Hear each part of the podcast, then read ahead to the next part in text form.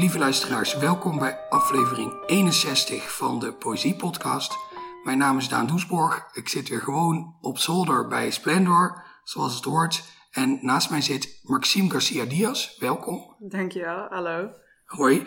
Jij hebt uh, in 2019 Ja. het NK Poetry Slam gewonnen. Ja. Ik weet het nog als de dag van gisteren, want ik was erbij.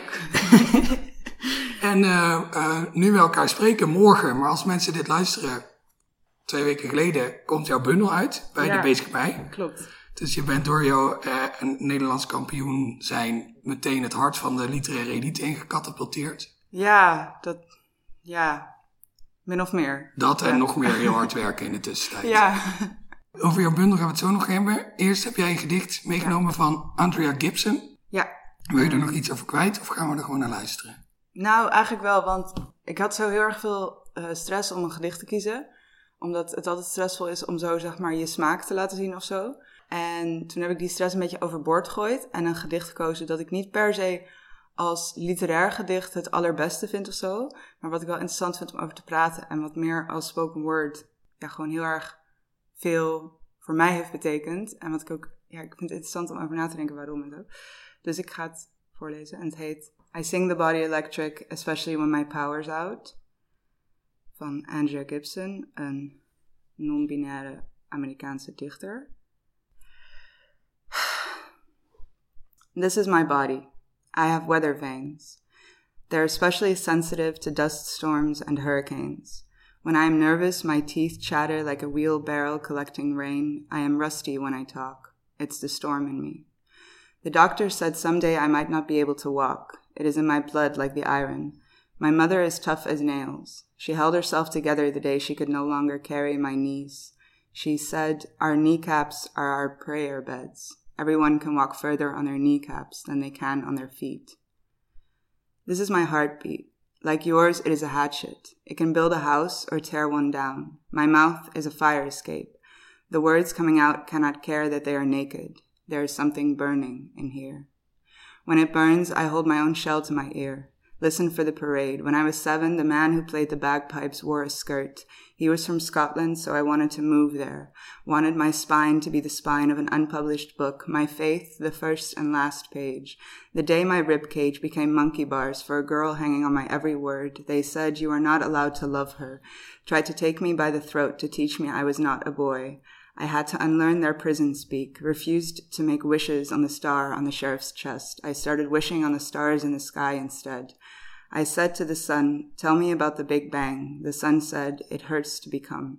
I carry that hurt on the tip of my tongue and whisper, Bless your heart every chance I get. So my family tree can be sure I have not left. You do not have to leave to arrive. I am learning this slowly. So sometimes I look in the mirror and my eyes look like the holes in the shoes of the shoe shine man. Some days my hands are busy on the wrong things. Some days I call my arms wings. While my head is in the clouds, it will take me a few more years to learn that flying is not pushing away the ground, that safety isn't always safe. You can find one in every gun. I am aiming to do better. This is my body. My exhaustion pipe will never pass inspection, and still my lungs know how to breathe like a burning map every time I get lost behind the curtain of her hair. Find me by the window, following my path to that trail of blood in the snow. The day I opened my veins, the doctor who stitched me up asked me if I did it for attention. For the record, if you have ever done anything for attention, this poem is attention. Title it with your name. It will scour the city bridge every time you stand staring at the river. It never wants to find your body doing anything but loving what it loves.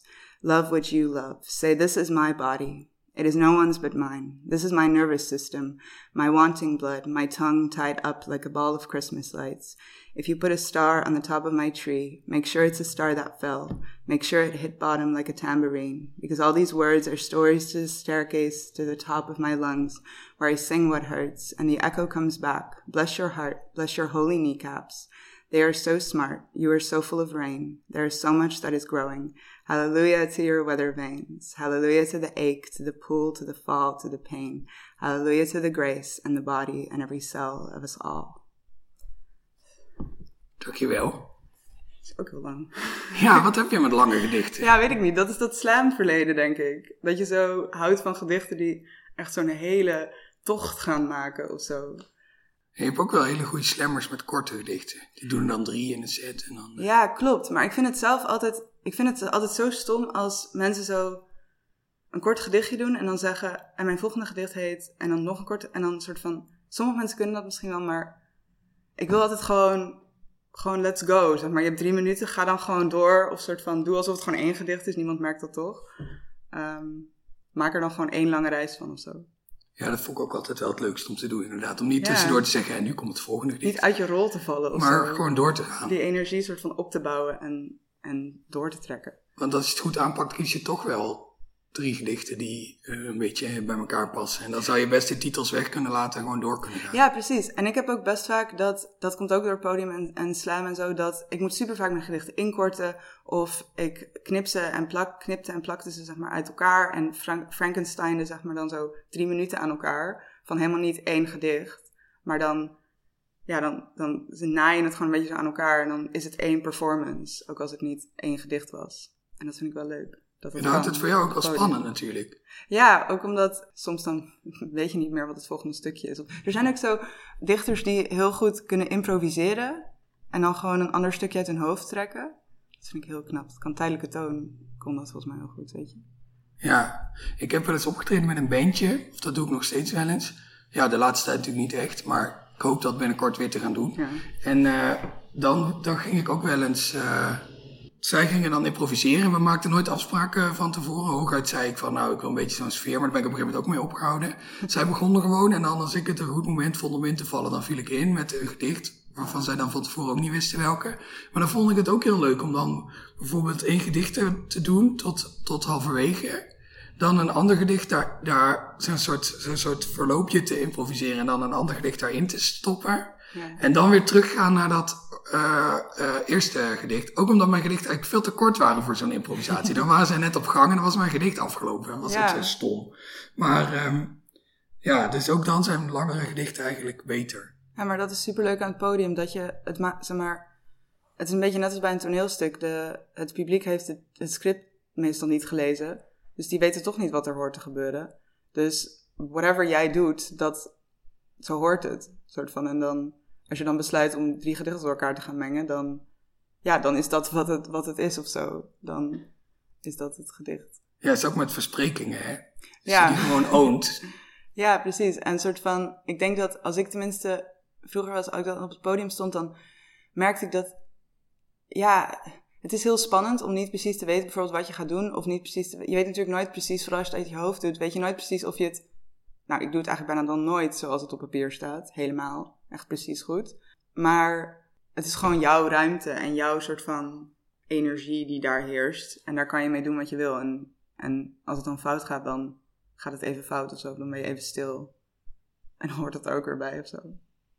Ja, je kan er met best wel veel wegkomen als je maar zelf de, naar buiten toe de indruk wekt dat het er allemaal bij hoort. Ja, precies. Dat is, dat is leuk. Hey, Even terug naar eh, Andrea Gibson. En je Ja. zei dat je dat gedicht niet per se misschien als het, als het hoogst literaire gedicht zag dat je Nou- ooit gehoord hebt, maar dat wel veel voor je heeft betekend. Ja, ik denk dus... Ik heb echt heel lang nauwelijks poëzie op papier of Nederlandstalige poëzie gelezen of ervaren. Of... En toen ik zelf poëzie begon te schrijven, toen luisterde ik superveel naar Amerikaanse slam poets op een YouTube-kanaal dat Button Poetry heet. En waar ze dan zo heel professionele video's, die allemaal heel standaard van dezelfde hoek allemaal, van slam poets en slam optredens. Ze hebben daar een heel systeem met allemaal verschillende slams en allemaal verschillende soort van levels. En dan was ik dus die gedichten aan het ervaren als geluid en als optreden. Dat merkte ik ook als ik later dan nog eens een tekst die me toen echt super erg raakte of die ik super belangrijk vond teruglas, dat het echt zo een beetje bijna wegviel. Dat er niet super veel van over leek te blijven of zo. Sommige wel, sommige, dat is gewoon, dit is gewoon de eeuwenoude soort van vraag van podiumgedichten en papiergedichten en wat werkt goed op het papier en wat werkt goed op het podium. En ik denk dat, nou ja, bijvoorbeeld dit gedicht wat ik nu heb, heb meegenomen, daar zit best wel veel in wat ik zelf nooit zou schrijven of wat ik zelf zeg maar niet goed zou vinden als het in een schrijfles langskwam of zo en ik er feedback op moest geven. Kan je een voorbeeld geven daarvan? Nou, wat Andrew Gibson heel vaak doet, is van die. Dat doen sowieso slam poets vaak. Van die soort van woordgrapjes of van die beelden die een beetje zo clever zijn of zo, maar niet per se super spannend. Of uh, bijvoorbeeld een zin die ze, die ze heeft, of die hen heeft in dit gedicht is: uh, Safety isn't always safe, you can find one in every gun. Ja, daar moest ik ook aan denken toen je dit dat is heel clever, weet je. Dat is een woordgrapje, basically. En Andrew Gibson mag dat van mij. Die mag dat doen, want um, hun gedichten zijn, hebben een andere functie voor me dan een soort van literaire pagina gedichten. Het is ook niet per se... Ik heb ook een boek van hen en dat is niet... Ik lees dat boek niet heel vaak of, of het is niet per se heel... Het is een beetje een soort van... Een poëzie als, als therapeutisch of als heel oprecht of als zeg maar heel... Ja, bijna een beetje soms een beetje op een genante manier oprecht of zo. Um, met allemaal van die clever beelden en vooral veel over emoties en zo. Dus ik denk dat ik het daarom juist wilde meenemen, omdat ik het eigenlijk ergens ook een beetje dan cringy vind op sommige punten.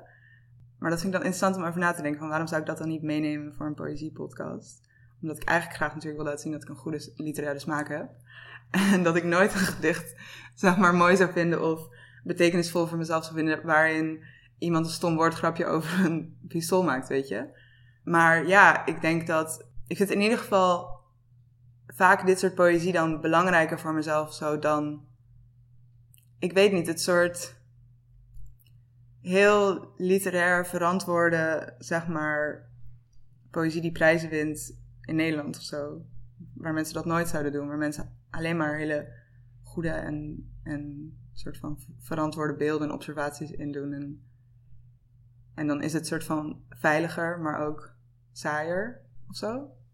Snap je wat ik bedoel? Ja, ja, ik snap zeker wat je bedoelt. Ik moet dan wel denken aan uh, de gedichten van Vicky Franker bijvoorbeeld. Die ook heel veel uh, woordgrapjes, maar die ik soms geslaagder vind en soms minder geslaagd, uh, in haar gedichten stopt. En die daar op de een of andere manier ook mee wegkomt. Maar het is een hele dunne lijn. Het ja. ook, dat merk je ook op het, dat merk je denk ik vooral zeg maar, op het slampodium. Dat soort van echt woordgrapjes maken of soort van woordspelingen is echt zo iedere dichter die heeft er een soort. Dat is gewoon, dat is te verleidelijk of zo. Um, dus het is een hele dunne lijn. Ook, ook als je kijkt naar wat nu in Nederland, zeg maar, met spoken word en zo, dat, dat er best veel teksten zijn die dan.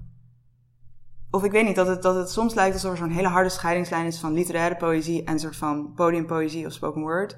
En dat in spoken word mag je het zeg maar wel hebben over je depressie zonder zeg maar, en het gewoon een depressie noemen of zo. En in de literaire poëzie niet. Um, snap je wat ik bedoel? Ja. maar die lijn is eigenlijk veel dunner.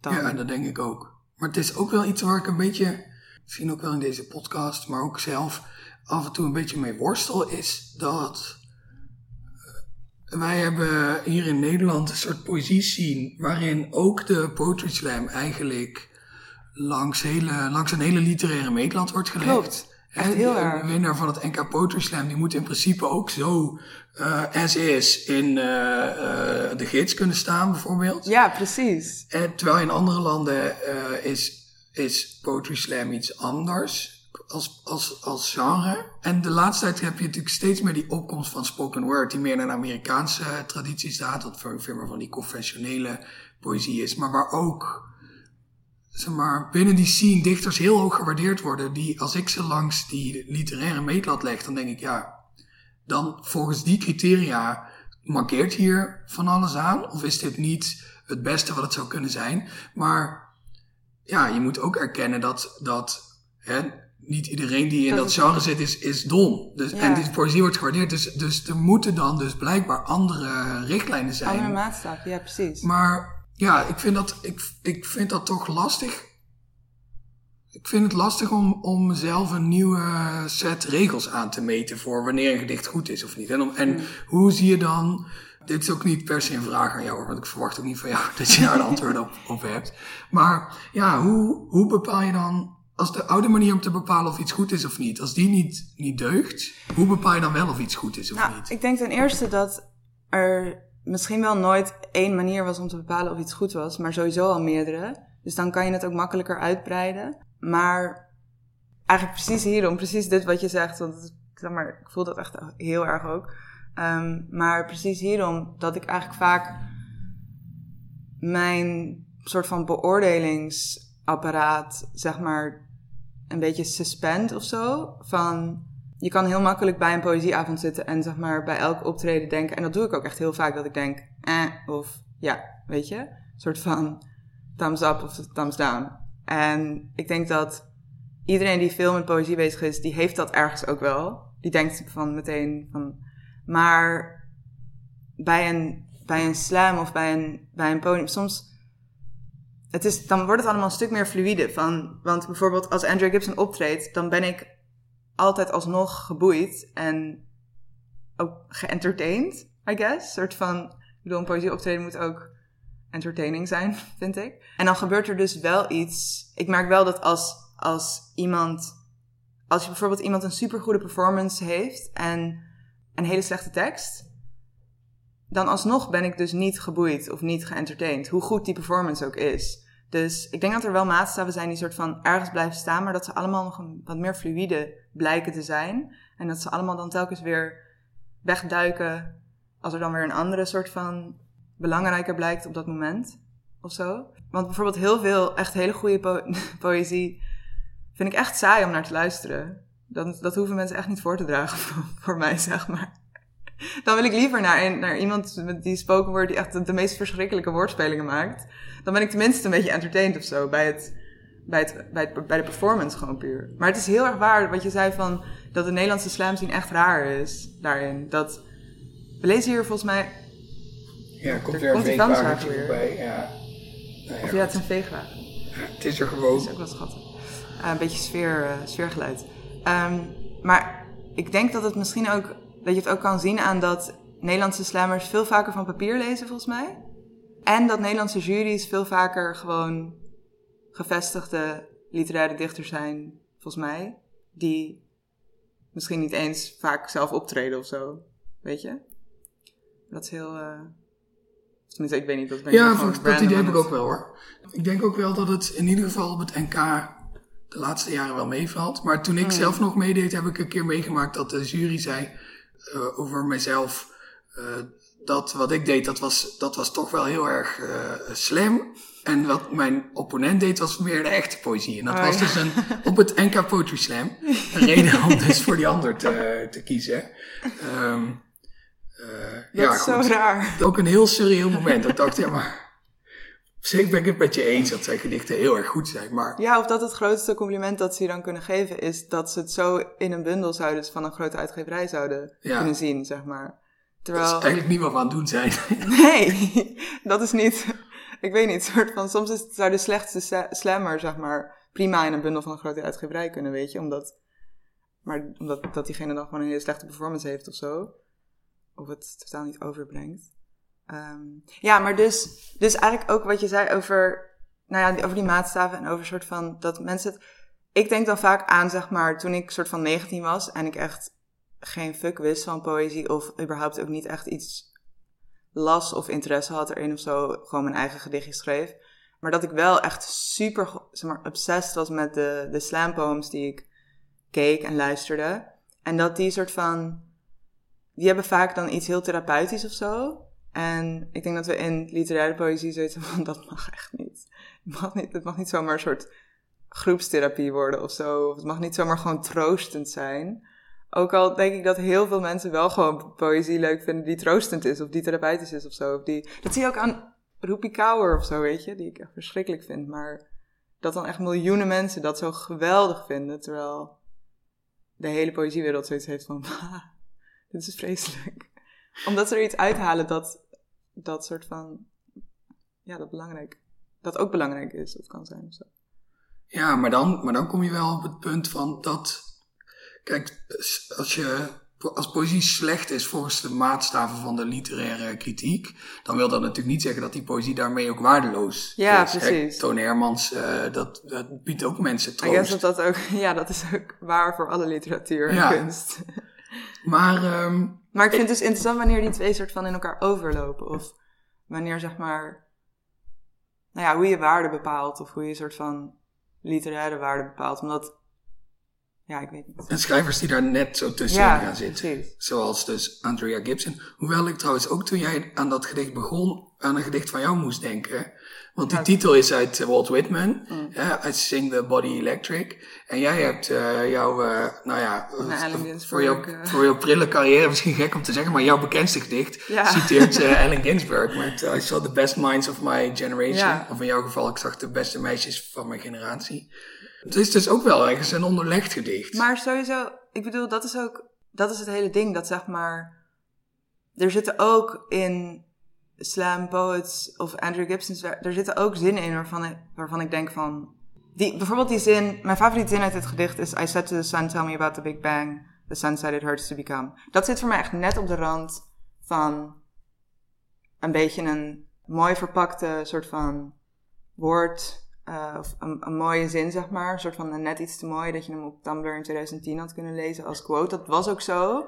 Dat deden we ook massaal toen. Als je meeleunt in de bocht, dan kan het net. Ja, ja, ja. Maar soort van, I guess dat ik ook een soort, soms voel ik een soort frustratie met het gevoel van of het kan, of of het soort van mag, of of het, want dat is ook met dat, dat Allen Ginsberg gedicht, is echt precies het soort ding, wat soort van, het is super, ehm, het is super cliché om een Allen Ginsberg parodie te schrijven, zeg maar. I saw the best minds of my generation is echt, zeg maar, dat kan eigenlijk niet. En dat deed ik toen toch. En toen moest, heb ik het maar vijf miljoen keer op het podium gedaan. En dan werd ik ook zo gevraagd voor gewoon echt literair verantwoorde avonden. En dan kwam ik zo met mijn lekkere slam gedicht, gebaseerd op dat soort van meest cliché zin uit de Engelstalige poëzie. En dan, ehm, ja, en, en ik weet niet, ik denk dat, dat ik dan ook soort van soms een beetje zo schaamte voelde of zo. Maar ik vind het ook gewoon leuk. Weet je, Menno Een Wichman heeft het ook gedaan. Maar dan Ja? nog een tandje erger. Die had ik zag de beste dichters van mijn generatie. Oh my god. Ja, nou, die is er ook mee weggekomen. Eh, maar ja, nee, dat bedoel.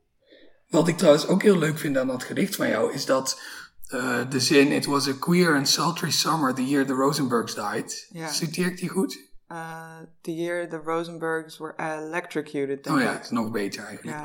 Dat, ik, dat ik door jouw gedicht, omdat je die er zo geïsoleerd in hebt gezet, ineens dacht: wat een verdomd goede regel is dat eigenlijk. It was a queer and sultry summer. Dat is toch prachtig? Ja, dat is heel mooi. Terwijl in die stortvloed van Ginsberg lees je er misschien een beetje, een beetje overheen. Ja. Omdat er zo ongelooflijk veel in zit. Ja, dat is van Sylvia Plath. Dat is de openingszin van, ehm, van de Bell Jar. Oh, kijk, daar ga je al. Ik dacht dat, die uit, eh, dat die ook uit Howl. Nee, die is, dat is gewoon weer een ander...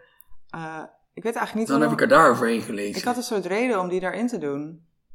Volgens mij omdat ik dan later een Sylvia Plath reference had of zo. Of ik weet niet. Ik had een soort motivatie om dat. Om die, om, om- ik had het gevoel dat ik Sylvia Plath erin moest. Dat is ook precies zo'n dichter die soort van. Over Sylvia Plath zeggen ze altijd van. Oh, dat is leuk voor zeg maar college girls of zo.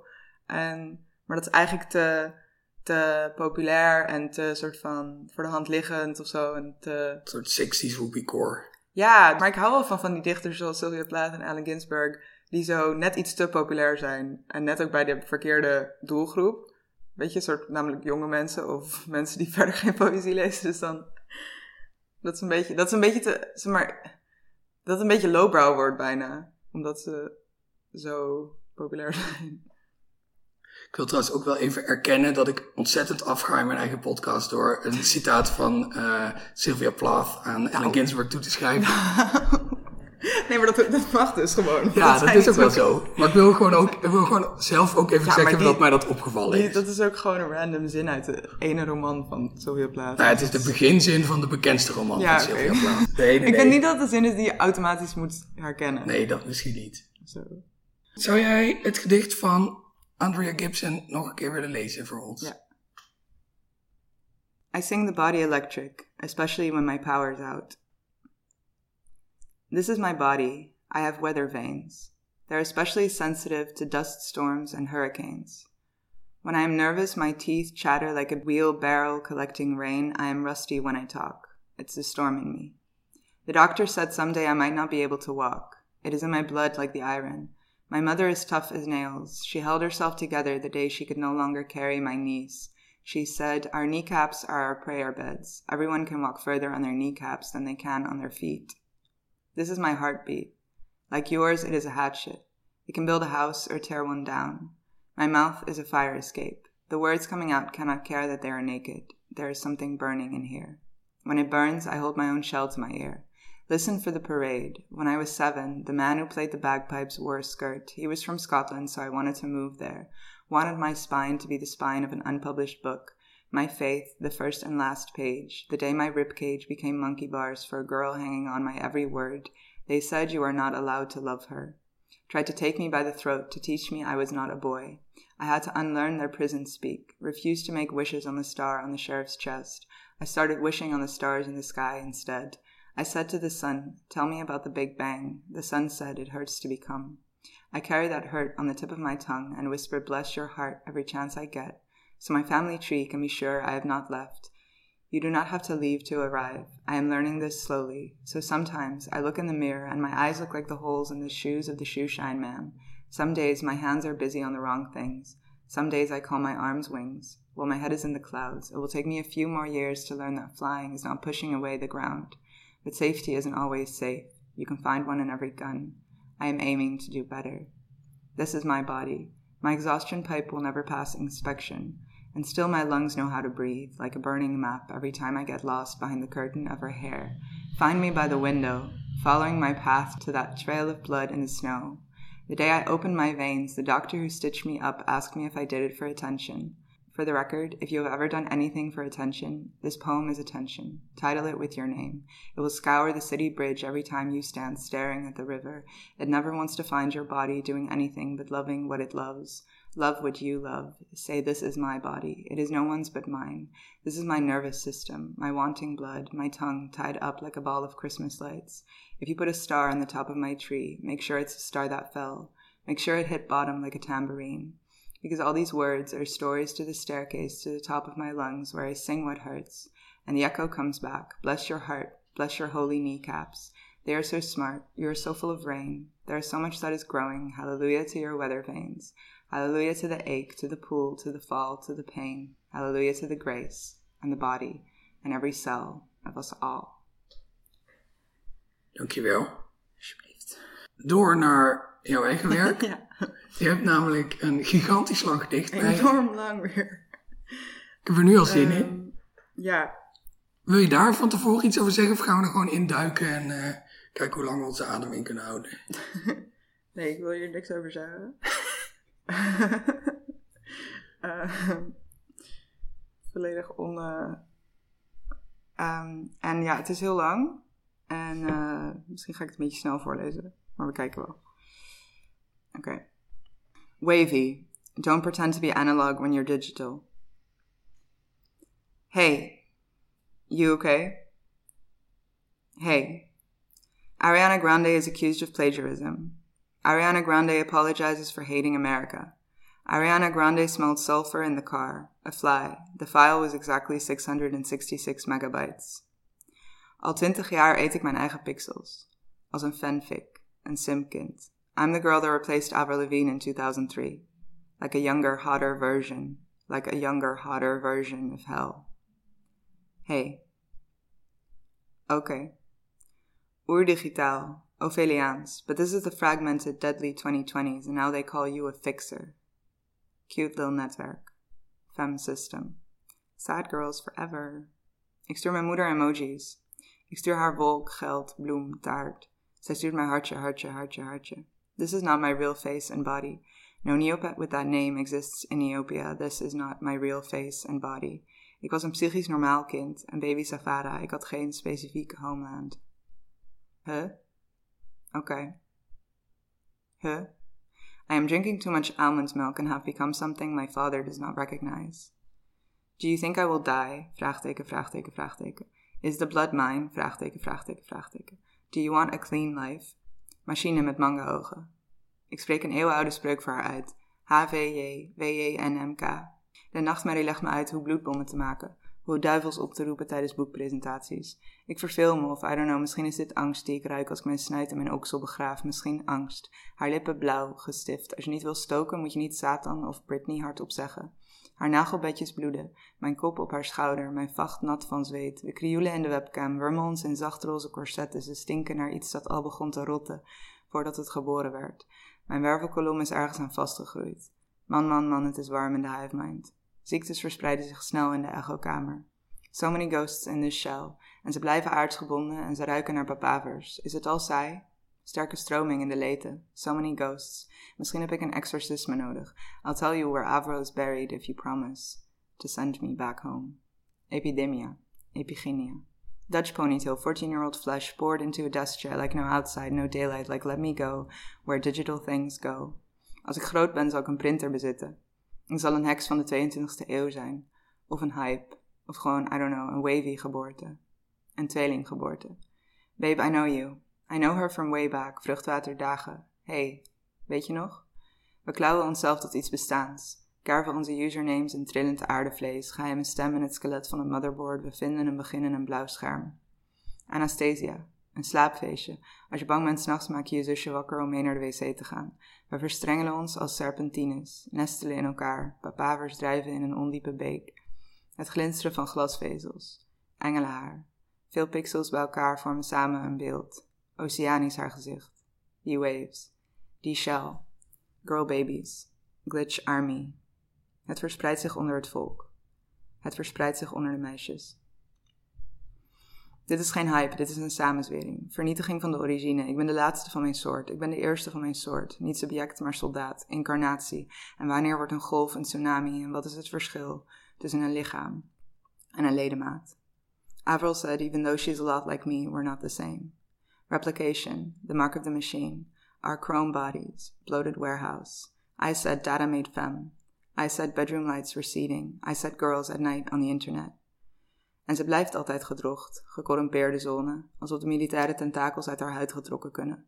Alsof de tentakels van het kapitaal uit haar navel en anus. Ik haal mijn boodschap door de machine en ze configureert het juiste antwoord en vertelt me hoe ik heten zal. En op welke dag sterven en waar en welke hemel boven me. En hoeveel er nog overblijft. En hoeveel van ons er nog overblijven.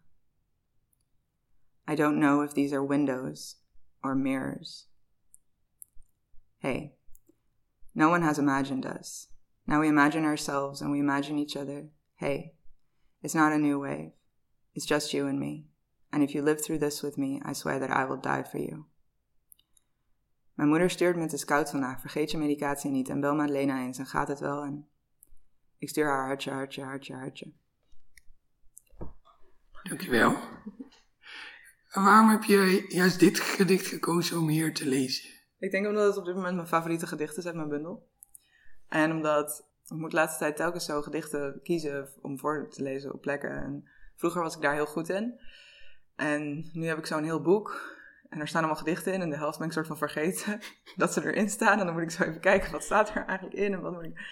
Dus ja, ik vind deze gewoon het leukst om voor te lezen op dit moment. Ehm, en misschien ook wel leuk om over te praten. Ja, en het is ook een titelgedicht, toch? Wat jouw bundel heet, Het is warm in de hive mind. Ja, ja, de titel komt ook uit dit gedicht. Daarom kies ik me ook misschien zo vaak uit nu, de laatste tijd. Omdat ik een soort van, eigenlijk wil, wil tijd pluggen, een soort van, de titel van mijn bundel. En, eh, Het is warm in de hive mind. ja, het is warm in de hive mind. Vanaf 15 juli in de winkel. Ja, morgen. Ja, vorige week. Maar dat doet er nu helemaal niet toe. Ik denk, ik denk als, je, als je recensent bent en je bent van voor 1980, dat je het echt moeilijk gaat hebben met dit gedicht. Know, dat zeggen mensen altijd, maar dat vind ik ergens ook stom. Ehm, dat, als in, ik snap natuurlijk wel waarom ze dat zeggen. En ik weet ook wel dat dat ook zo is. Maar ik vind het ook jammer, omdat ik denk dat. Ik denk dat mijn bundel gaat heel veel over het internet en over digitale cultuur. En dat is niet per se leeftijdsgebonden. Het gaat wel ook veel over gewoon wel leeftijdsgebonden dus digitale cultuur. Maar ehm, ik denk dat mijn bundel veel gaat over mensen van een bepaalde generatie of mensen van een bepaalde eh, levensfase. Maar ik hoop dat die niet alleen voor die mensen is. Ehm, en ik denk ook dat. Misschien mogen ze het ook wel moeilijk krijgen. Want ik had het ook moeilijk als ik zeg maar grote literatuur moest lezen en dan zo de helft van de pagina was voet, voetnoten. En dan had je echt heel erg het gevoel: dit is echt niet voor mij. Ik bedoel op, op zich ook niet trouwens dat een recensent het daarom niet goed gaat vinden of zo. Nee, ik, denk- ik bedoel alleen, Ik snap ja, nee, je moet dan wel aan het werk. Als je, Ja. als je niet bent opgegroeid met die internetcultuur en je leest poëzie die zo, net als gewoon het leven, dus ik vind het ook volkomen logisch dat dat in poëzie is. Poëzie die zo volledig geïnfecteerd is met het internet en die ook in een soort half Engels, half Nederlands geschreven is, zoals veel, eh hoe heet die generatie ook weer, zoomers die na ons komen. Ja. Ik klink nu echt als een ontzettende millennial, Eh, maar dat ben ik ook. Ja, Eh, dat- ik ook. ook zo praten natuurlijk, met, Ja. met heel, veel, heel veel Engels er, er doorheen. Ik, ik denk dat dat, dat dat... Ik denk dat dat een ontzettend interessant onderwerp is voor kunst om over gemaakt te worden. Ja, maar het is ook, ik bedoel, het is precies, het is een heel wezenlijk punt wat je, wat je zegt. Van misschien wilde ik ook wel ergens, zeg maar, mensen aan het werk zetten. Of bepaalde mensen aan het werk zetten.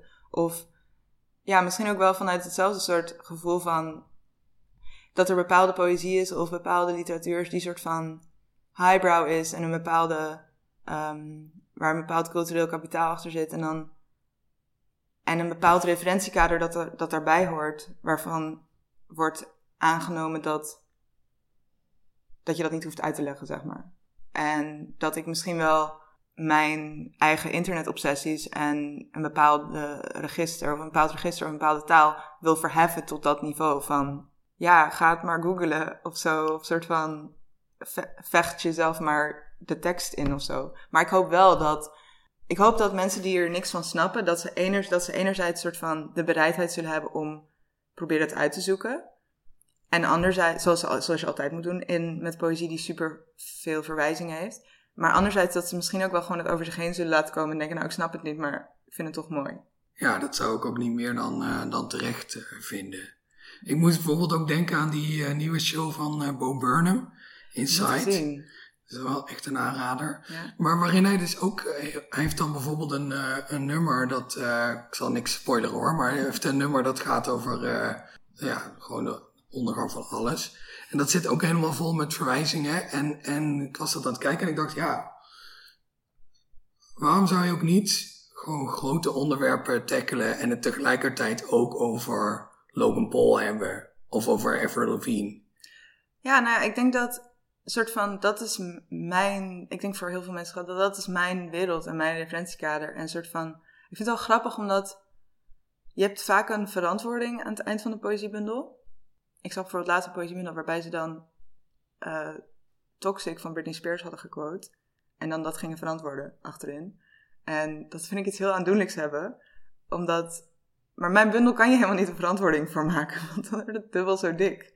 Ehm, en I guess dat ik, ik normaal gewoon zo gewend ben om zo te denken of zo te, te verhouden tot de wereld. Dat ik zeg maar eerder poëzie schrijf gewoon over Avril Lavigne of over een meme die ik heb gezien of zo. Dan over de fysieke wereld om me heen. Ehm, maar dat betekent inderdaad wel dat het, dat het dan vaak een soort van hermetischer wordt op een bepaalde manier of zo. Voor, voor sommige mensen. Ja, aan de andere kant denk ik dat niemand ervan op zou kijken als je in een gedicht refereert aan de theorie dat Paul McCartney eh, op een gegeven moment vervangen is door een dubbelganger. En dan heb je dus al een ingangetje. in. Terwijl het veel het relevanter is voor de leefwereld van, van jongvolwassenen nu, dat die, dezelfde theorie dat Avril Lavigne op een gegeven moment Ja, vervangen en dat is het ding, dat, daar gaat het dus eigenlijk over. Dat, het gaat over iets wat eronder zit. En het gaat eigenlijk niet over Avril Lavigne, het gaat over... Want het is al een keer eerder gebeurd met Paul McCartney. En met al, dus ik hoop dat mensen dan haakjes hebben waardoor ze van dat toch kunnen begrijpen of zo. En ik denk dat ik ook... Ik ben gewoon gefascineerd door sommige dingen. En dan kan ik niet echt daarvan... Dan moet ik daar iets mee of zo. En dan vaak zijn het hele rare en hyperspecifieke dingen. En dan moeten mensen dat gaan googlen of zo. Ja, nou ja, kijk, je kan een verwijzing zien als een soort wegblokkade. Je kan het ook zien als een uitnodiging. Ja, precies, precies. Dat is echt precies wat het, wat het is. Een soort van, ik vind het zelf heel erg leuk. En soms, weet je, soms dan lees je een gedicht en dan denk je, oh, er zitten volgens mij allemaal verwijzingen in en die snap ik niet echt. Of. Dan heb je gewoon geen zin en dan denk ik, bah, whatever. Maar dan hoop ik dus, ik probeer dan wel poëzie te schrijven die dan nog steeds overeind blijft. Ook als je geen zin hebt, zeg maar. Maar ik vind het zo leuk als ik er wel zin in heb en dan verwijzingen uitzoek en dat er dan zo'n hele laag, dan is het een beetje, weet je, je hebt zo van die kinderboeken of zo, waarbij je zo'n dingetje kan wegschuiven en dan staat er iets onder. Dat is een beetje wat ik dan, ik zou het liefst eigenlijk dat in mijn poëziebundel ook hebben gedaan, maar Maar dat werd te duur bij Dat de werd te duur. We zijn het al vol color aan het printen. Het is al een vreselijk duur boek. Maar het is natuurlijk sowieso... Kijk, juist in het tijdperk van waarin iedereen op elke plek internet heeft... Ja. waarom zou je niet overal verwijzingen in doen? Ja, precies. Weet je, je kan geen gesprek meer voeren over... Ik had gisteren had ik het met mijn ouders over de vuurwerkramp in Enschede en de nieuwjaarsbrand in Volendam. En dan zo van, ja, welk jaar zou dat zijn? Normaal kan je daar dan een half uur over doorpraten. Nee, ik denk dat jaar. Nee, ik denk dat jaar. En nu is het gewoon, ook ik zoek het even op en dan weet je Zo het. grappig. Dat heeft zo, zeg maar, gesprekken veranderd ook. Dat je gewoon elk antwoord meteen kan vinden. Het is een heel, ja, heel voor de hand liggende soort van observatie. Maar het is wel echt... Ik heb dat ook best vaak de laatste tijd. Dat je zo...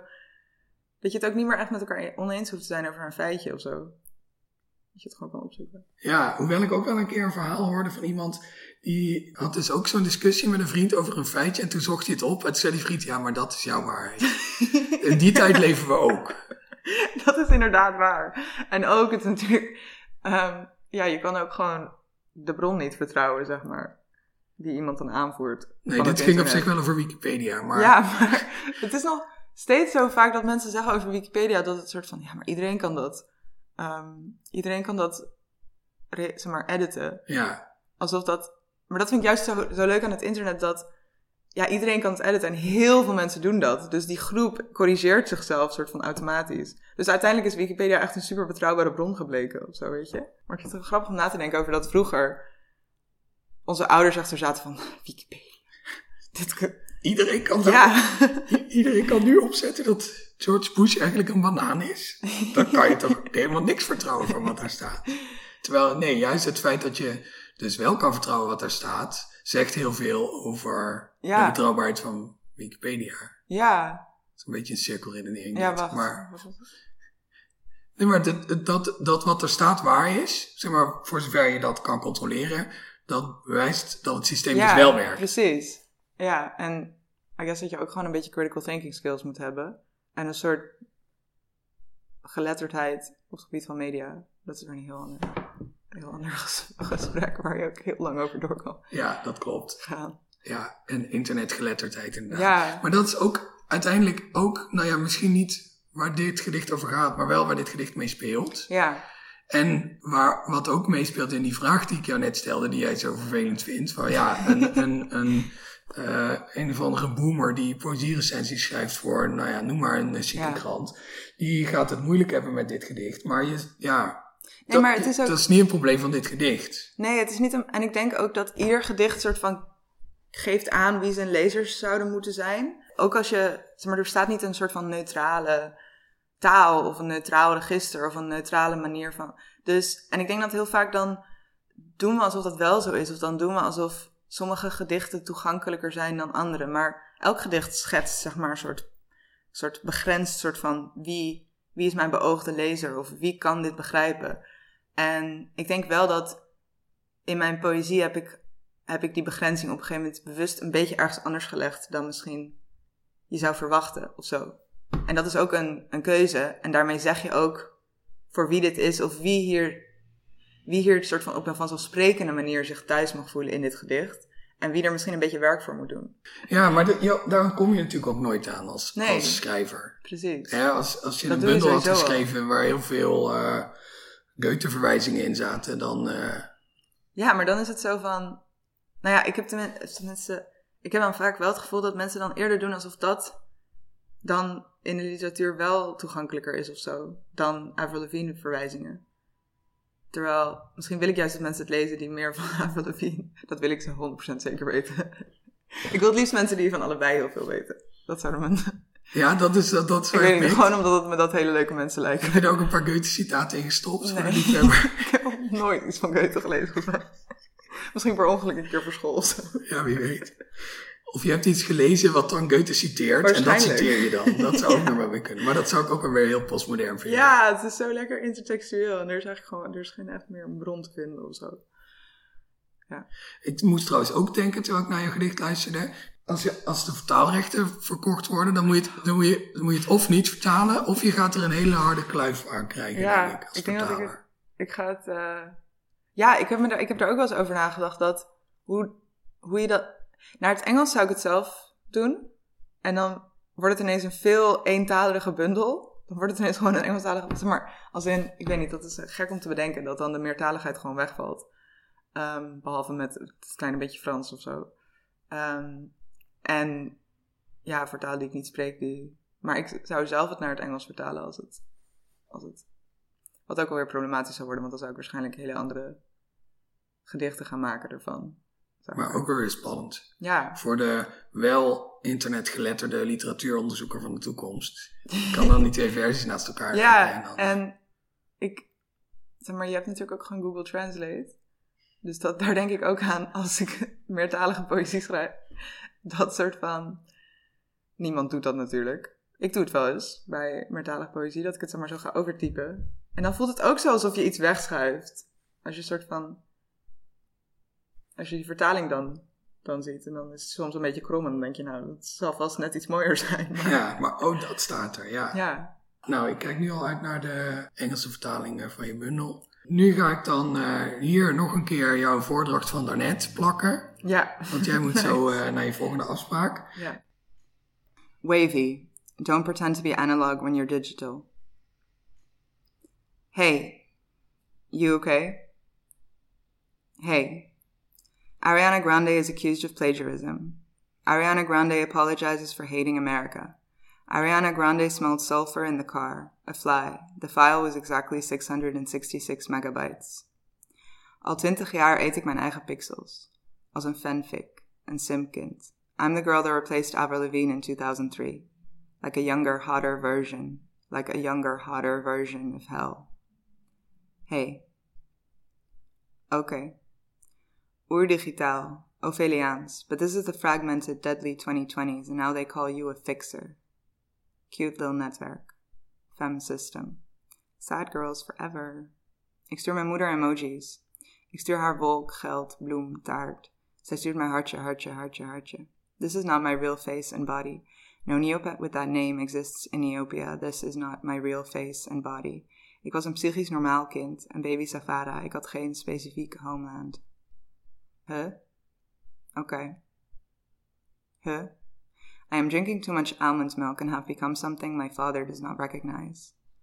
Do you think I will die? Vraagteken, vraagteken, vraagteken. Is the blood mine? Vraagteken, vraagteken, vraagteken. Do you want a clean life? Machine met manga-ogen. Ik spreek een eeuwenoude spreuk voor haar uit. H-V-J-W-J-N-M-K. De nachtmerrie legt me uit hoe bloedbommen te maken, hoe duivels op te roepen tijdens boekpresentaties. Ik verveel me, of I don't know, misschien is dit angst die ik ruik als ik mijn snuit en mijn oksel begraaf. Misschien angst. Haar lippen blauw, gestift. Als je niet wil stoken, moet je niet Satan of Britney hardop zeggen. Haar nagelbedjes bloeden, mijn kop op haar schouder, mijn vacht nat van zweet. We krioelen in de webcam, wormen in zachtroze corsetten. Ze stinken naar iets dat al begon te rotten voordat het geboren werd. Mijn wervelkolom is ergens aan vastgegroeid. Man, man, man, het is warm in de hive mind. Ziektes verspreiden zich snel in de echokamer. So many ghosts in this shell. En ze blijven aardsgebonden en ze ruiken naar papavers. Is het al saai? Sterke stroming in de lete. So many ghosts. Misschien heb ik een exorcisme nodig. I'll tell you where Avro is buried if you promise to send me back home. Epidemia. Epigenia. Dutch ponytail, 14-year-old flesh poured into a dust chair like no outside, no daylight, like let me go, where digital things go. Als ik groot ben zal ik een printer bezitten. Ik zal een heks van de 22e eeuw zijn. Of een hype. Of gewoon, I don't know, een wavy geboorte. Een tweelinggeboorte. Babe, I know you. I know her from way back, vruchtwaterdagen. Hey, weet je nog? We klauwen onszelf tot iets bestaans. Kerven onze usernames in trillend aardevlees, geheime stem in het skelet van een motherboard, we vinden een begin in een blauw scherm. Anastasia, een slaapfeestje. Als je bang bent s'nachts maak je je zusje wakker om mee naar de wc te gaan. We verstrengelen ons als serpentines, nestelen in elkaar, papavers drijven in een ondiepe beek. Het glinsteren van glasvezels, engelenhaar. Veel pixels bij elkaar vormen samen een beeld. Oceanisch haar gezicht. Die waves. Die shell. Girl babies. Glitch army. Het verspreidt zich onder het volk. Het verspreidt zich onder de meisjes. Dit is geen hype, dit is een samenzwering. Vernietiging van de origine. Ik ben de laatste van mijn soort. Ik ben de eerste van mijn soort. Niet subject, maar soldaat. Incarnatie. En wanneer wordt een golf een tsunami? En wat is het verschil tussen een lichaam en een ledemaat? Avril said, even though she's a lot like me, we're not the same. Replication, the mark of the machine. Our chrome bodies, bloated warehouse. I said data made femme. I said bedroom lights receding. I said girls at night on the internet. En ze blijft altijd gedrocht, gecorrumpeerde zone, alsof de militaire tentakels uit haar huid getrokken kunnen. Alsof de tentakels van het kapitaal uit haar navel en anus. Ik haal mijn boodschap door de machine en ze configureert het juiste antwoord en vertelt me hoe ik heten zal. En op welke dag sterven en waar en welke hemel boven me. En hoeveel er nog overblijft. En hoeveel van ons er nog overblijven. I don't know if these are windows or mirrors. Hey, no one has imagined us. Now we imagine ourselves and we imagine each other. Hey, it's not a new wave. It's just you and me. And if you live through this with me, I swear that I will die for you. Mijn moeder stuurt met de scout vandaag. Vergeet je medicatie niet en bel Madeleine eens en gaat het wel. En ik stuur haar hartje, hartje, hartje, hartje. Uh, en dan hebben we dat nu net naar geluisterd en nu zijn we er weer. Uh, dankjewel, Maxime Garcia Diaz. Ja, Dit was aflevering 61 van de Poëzie Podcast. Die wordt gemaakt door mij, Daan Doesborg, in samenwerking met de Stichting Literaire Activiteiten Amsterdam. Volgende maand zijn we er wel weer met iemand anders. Maar ik weet nog niet met wie, dus dat wordt nog even spannend. Geniet van je vakantie. Raak niet besmet. De muziek die je nu hoort is van Bart de Vrees. Die mogen we ook niet uh, vergeten. En heel graag tot de volgende keer.